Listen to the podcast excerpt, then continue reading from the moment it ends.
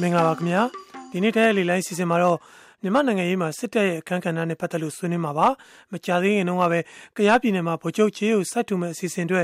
အခြေတင်ဖြစ်စရာတွေကြုံခဲ့ရပြီးတဲ့နောက်လိုအပ်ရင်စစ်တပ်နဲ့ဖြစ်ရှင်းမှုပြည်내ဝန်ကြီးချုပ်ကသတိပေးလိုက်တဲ့အတွက်လည်းမြန်မာနိုင်ငံရေးမှာစစ်တပ်ရဲ့အခမ်းကဏ္ဍနဲ့ပတ်သက်လို့မိကုံးထုတ်စရာတွေလည်းတကြောပြန်ပေါ်လာပါတယ်ဆိုတော့ဒီမြန်မာနိုင်ငံရေးမှာနှစ်ပေါင်းများစွာစစ်တပ်ကနေရာယူခဲ့တာနိုင်ငံရေးအခြေအနေအရလိုအပ်ချက်ကြောင့်လားစစ်ကောင်းဆောင်တွေရဲ့အာဏာ